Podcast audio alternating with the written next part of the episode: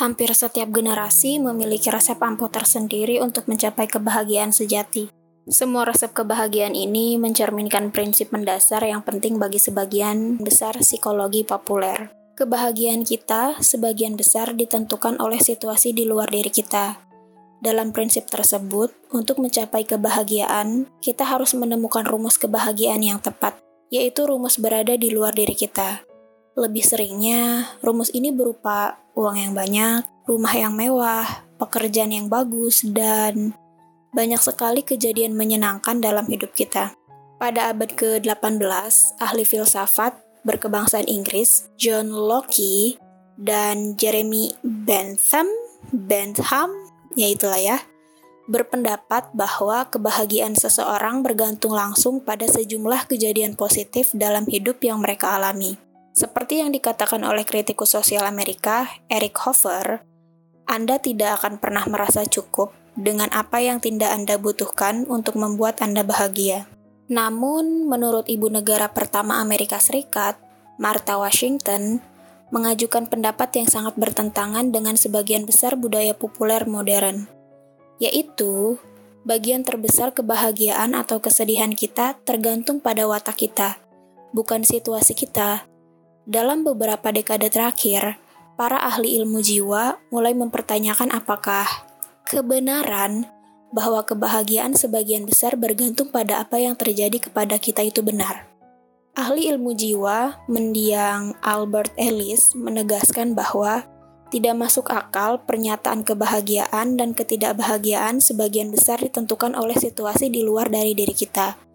Alih-alih pemahaman kita terhadap berbagai situasi luar tersebut, Eli senang mengutip Hamlet, Hamlet, karya Shakespeare yang mengatakan, tidak ada hal yang baik atau buruk, tetapi pikiran yang membuatnya baik atau buruk. Ahli ilmu jiwa Michelle A. Senk, ya semoga pelafalannya nggak salah, bahkan menggambarkan mitos nomor satu tentang kebahagiaan dengan mengatakan, Tingkat kebahagiaan Anda bergantung sepenuhnya pada jumlah kejadian menyenangkan yang terjadi kepada diri Anda. Ada sebuah penelitian yang dilakukan kepada 200 mahasiswa S1 untuk mengetahui tingkat kebahagiaan mereka dan membandingkan para mahasiswa di 10% teratas sangat bahagia dengan 10% tengah dan bawah. Para mahasiswa yang sangat bahagia tidak lebih banyak mengalami kejadian positif seperti mengerjakan ujian dengan baik atau kencan yang berjalan dengan lancar dibanding dengan dua kelompok lain. Penelitian juga mempertanyakan kepercayaan yang menyebar luas bahwa uang bisa membeli kebahagiaan. Memang benar bahwa agar bahagia, kita harus memiliki uang yang cukup untuk menjalani kehidupan dengan nyaman.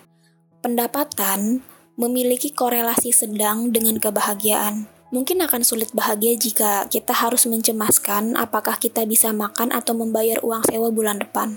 Kejadian hidup tertentu dapat meningkatkan maupun menurunkan kebahagiaan jangka pendek kita, meskipun pengaruhnya tidak sekuat yang dipercaya oleh sebagian di antara kita.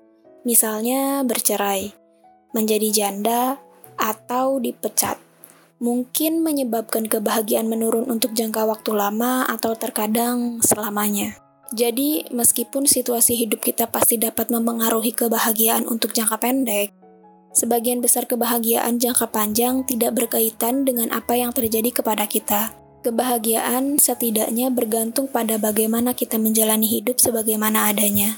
Seperti yang dikatakan ahli ilmu jiwa, Ed Diener, Seseorang dapat menikmati kesenangan karena dia bahagia, bukan sebaliknya.